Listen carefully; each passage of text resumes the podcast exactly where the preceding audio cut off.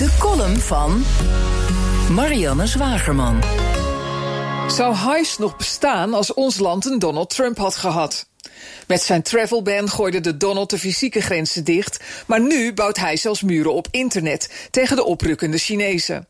Eén keer grommen tegen TikTok lijkt voldoende om het Amerikaanse deel van de populaire maar verraderlijke filmpjessite onder regime van Microsoft te krijgen en daarmee de data van de gebruikers in Amerikaanse handen, gered uit de klauwen van de Chinese overheid. Wat zou er gebeurd zijn als wij onze internet- en mediamarkt ook hadden beschermd tegen de dominante invloeden uit het buitenland? Zouden onze kranten en tijdschriften dan niet massaal verkocht zijn aan Belgen? Zouden wij nog krabbelen met een dansende banaan in plaats van ons over te leveren aan de hebzucht van Mark Zuckerberg? Ik herlas dit weekend een stukje uit het boek van huisbedenker Raymond Spanjaar. Dat is alsof je in een confronterende tijdmachine stapt.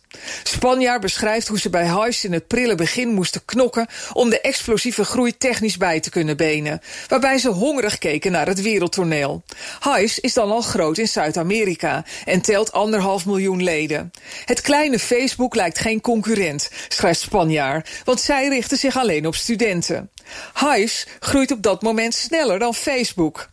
De gemiddelde TikTok-gebruiker zal je vragend aankijken als je Hive zegt. De dansende banaan is dood en begraven in een veel te dure kist van krantenpapier.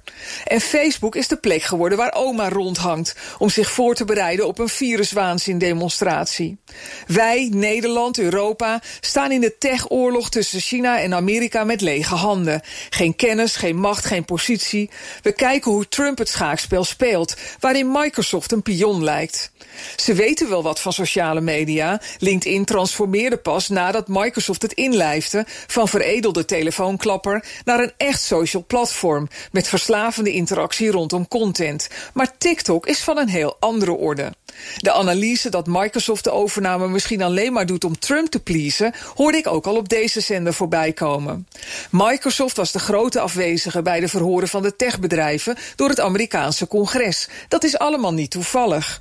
Wij moeten met onze dode banaan maar afwachten of we voortaan door de hond of door de kat gebeten worden.